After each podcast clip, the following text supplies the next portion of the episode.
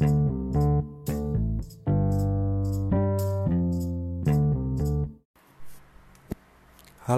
assalamualaikum warahmatullahi wabarakatuh. Jumpa lagi di Angkringan Talk. Angkringan Talk episode 2 Episode 2 bener ya, episode 2 Nah, yang kemarin episode 1 satu oh, ke soalnya ada episode 0 Jadi agak keliru kemarin tuh Episode 0 ini episode 1 Ini mungkin audio yang kemarin dua episode kemarin tuh agak jelek ya audionya. Soalnya belum nyoba belum tahu caranya sih cara ngerekam yang baik yang benar tuh gimana. Uh, insya Allah ini audionya bakal lebih bagus lah. Uh, untuk episode kedua kali ini kita akan ngomongin tentang mahasiswa. Apa sih sebenarnya mahasiswa? Mahasiswa ya mahasiswa dari namanya dah udah mahasiswa siswa. Siswa kan namanya uh, orang yang sedang belajar kalau siswa tuh.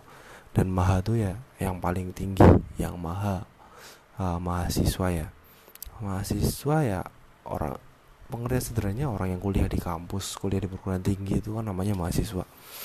Uh, jadi kemarin tuh ah ini pas pas aja sih momennya. Ada momen di mana mahasiswa tuh uh, jadi kelihatan keren lagi ya. Istilahnya mahasiswa jadi kelihatan keren. Momen kemarin pas aksi menentang uh, aksi dengan tagarnya tuh reformasi di korupsi.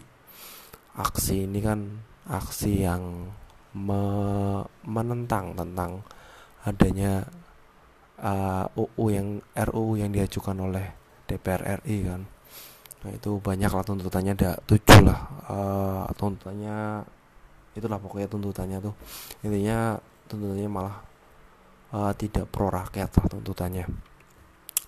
Nah ini tuh kalau jujur sih ini bagus sih kalau mahasiswa kan jadi kelihatan naik lagi. Dulu mahasiswa tuh dibilangnya oh mahasiswa cuma datang acara-acara yang kayak acara Facebooker lah acara apa terus yang acara hiburan-hiburan datang terus cuma numpang tepuk tangan nonton. Nah ini kayak kayak mahasiswa tuh ah mahasiswa ada keren-kerennya lagi nih kan udah naik lagi mahasiswa wah mahasiswa tuh keren sekarang. Keren lagi orang yang ikutan aksi kan bersuara.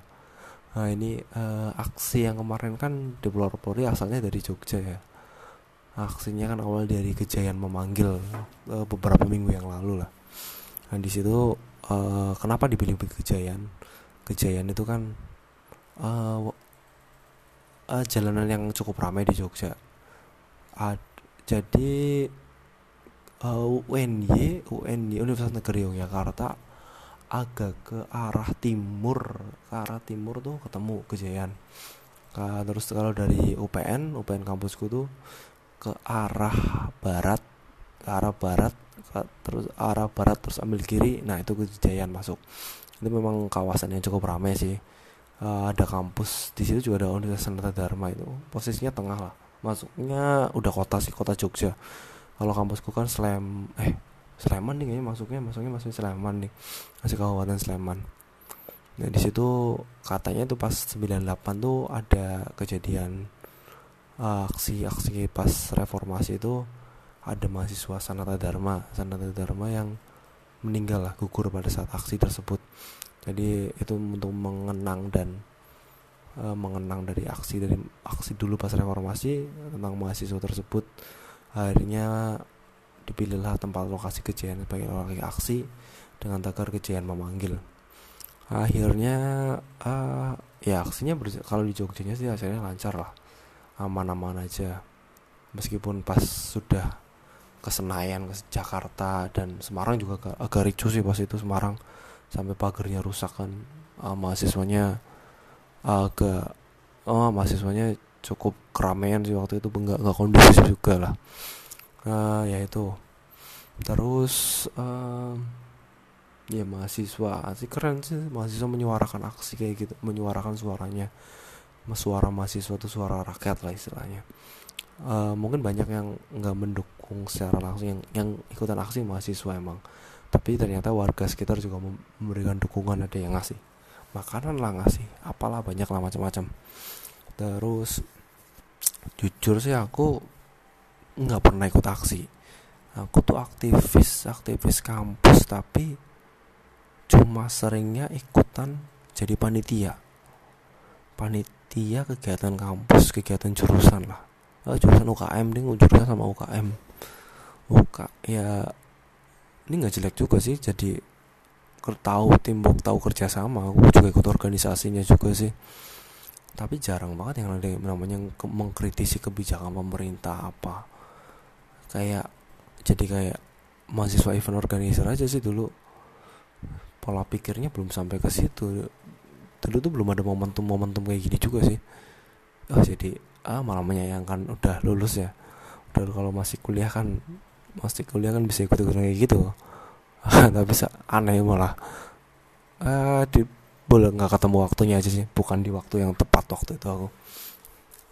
Uh, terus ya mahasiswa kan mahasiswa sebenarnya berat jadi mahasiswa. Pola pikirnya udah beda sama anak SMA anak S, anak sekolahan ya. Uh, mahasiswa S1 ya utama sarjan. S1 tuh pola pikirnya udah berubah berubah banget sama yang namanya anak SMA jadi kita tuh udah dewasa apalagi yang sudah mulai ngekos. Aku dulu pertama ngekos ya dulu pas jadi mahasiswa. Eh pas SMA pernah sih ngekos sebulan. Sebulan habis itu nggak betah pulang kan. Tapi pas udah jadi mahasiswa harus benar-benar kos rumahnya jauh juga kan rumahku di Brebes kuliahku di Jogja kan jauh. Uh, perjalanan kalau pakai mobil motor mobil mobil 6 7 jam lah 7 jam perjalanan. Uh, jadi ya mahasiswa emang harus berpikir dewasa sih. Banyak selain uh, kehidupan kampus kehidupan kos-kosan yang banyak lah. Uh, ini nanti episode selanjutnya episode ke depan atau episode ke berapa nanti bahasnya kos-kosan lah. Kehidupan anak kos nanti. Mahasiswa lagi ya ngomongin mahasiswa. Mahasiswa tuh sebenarnya punya tanggung jawab terbesarnya mahasiswa adalah menyelesaikan kuliahnya. Tapi ya seiring berjalannya waktu ada aja ada yang sibuk jadi aktivis lah ada yang sibuk dengan macam-macam lah. Ada yang tak tiba-tiba part time lah. Oh ya ini kemarin ya aku datang ke wisudaan temanku angkatanku 2012 yang wisudaan terakhir. Itu wisuda untuk periode terakhir angkatan 2012 ada 10 orang yang baru wisuda. 7 tahun ya mereka kuliah 7 tahun. Jadi mereka tuh ada 10 orang tuh pas ya yang teman-temannya udah mulai sibuk tugas akhir mulai ngerampungin mulai si uh, mulai ya nyelesain nyelesain tugas akhirnya selesai satu tuh udah mulai siap-siap udah mulai skripsinya udah mau selesai mereka tuh masih masih sibuk lah sibuk.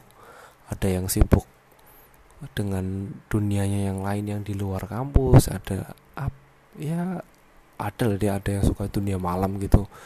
Uh, yang seperti antara sepuluh orang itu ada lah ada yang tiba-tiba di tengah jalan pengen pindah pindah jurusan tapi pada akhirnya malah nggak jadi pindah jurusan balik lagi ke jurusan itu lagi dan balik lagi kampus. Ada yang me, orang tuanya masalah orang tuanya tiba-tiba bangkrut bisnisnya terus pada akhirnya dia harus banting tulang buat uh, nyelesain kuliahnya di sendiri pakai duitnya pakai duitnya sendiri.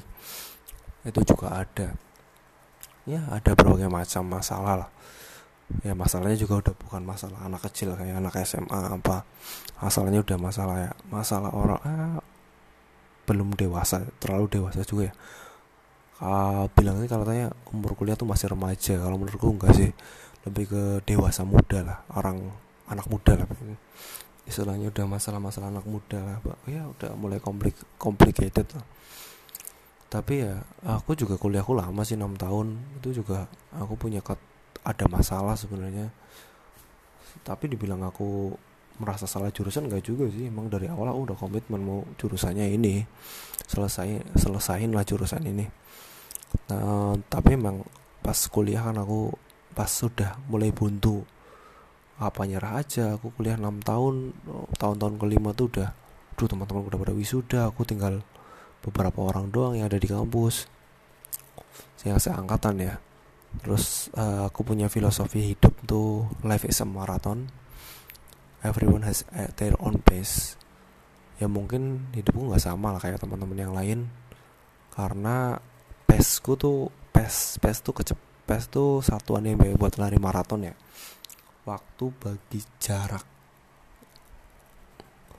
Waktu eh kecepatan tuh meter per second.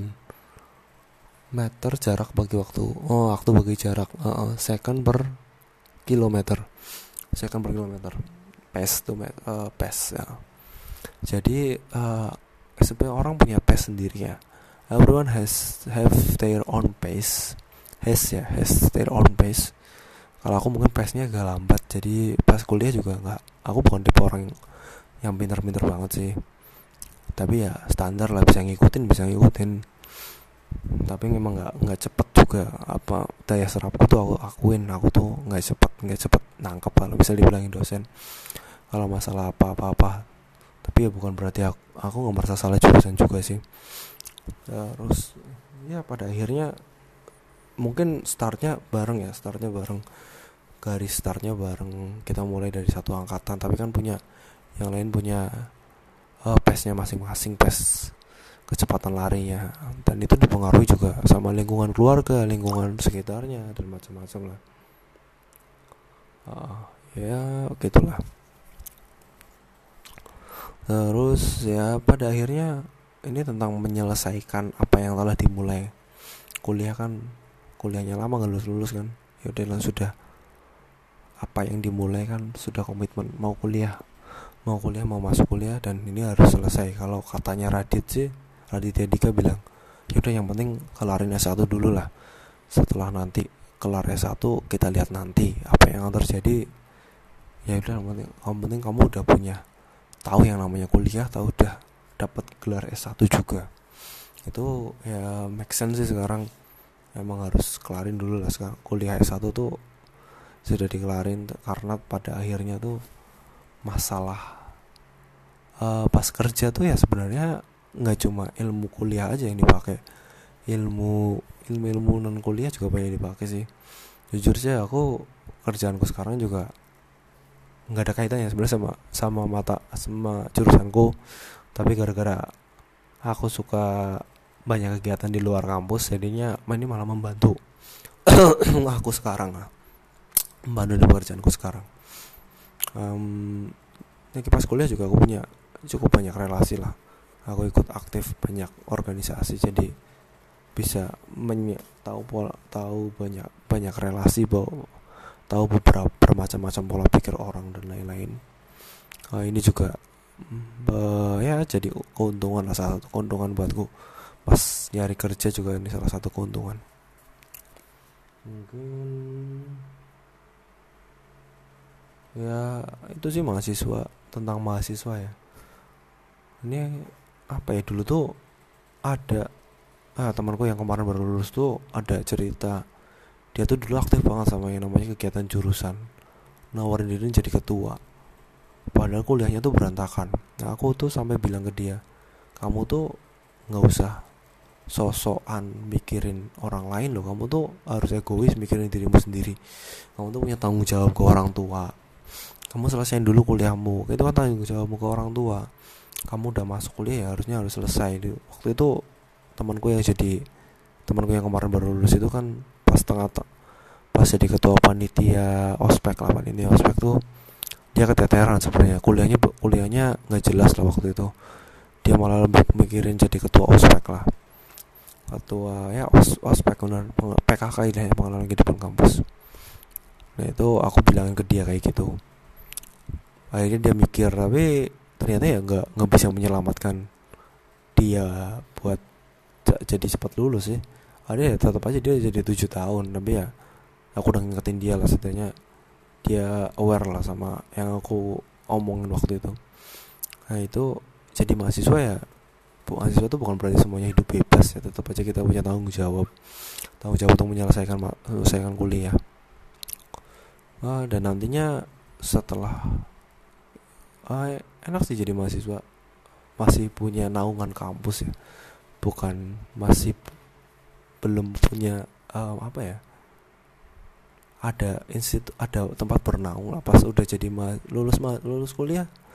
Jadinya statusnya apa? Pengangguran. Uh, ini ironis malah sih. Ironis kas kasihan ya jadi pengangguran tuh.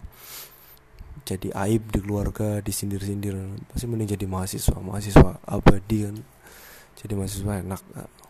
Ya mungkin segitu aja sih untuk uh, ngobrolin obrolan random tentang mahasiswa yang diomongin pasti angkringan ini. Uh, mungkin itu aja. Mungkin uh, sampai jumpa di episode selanjutnya. Wassalamualaikum warahmatullahi wabarakatuh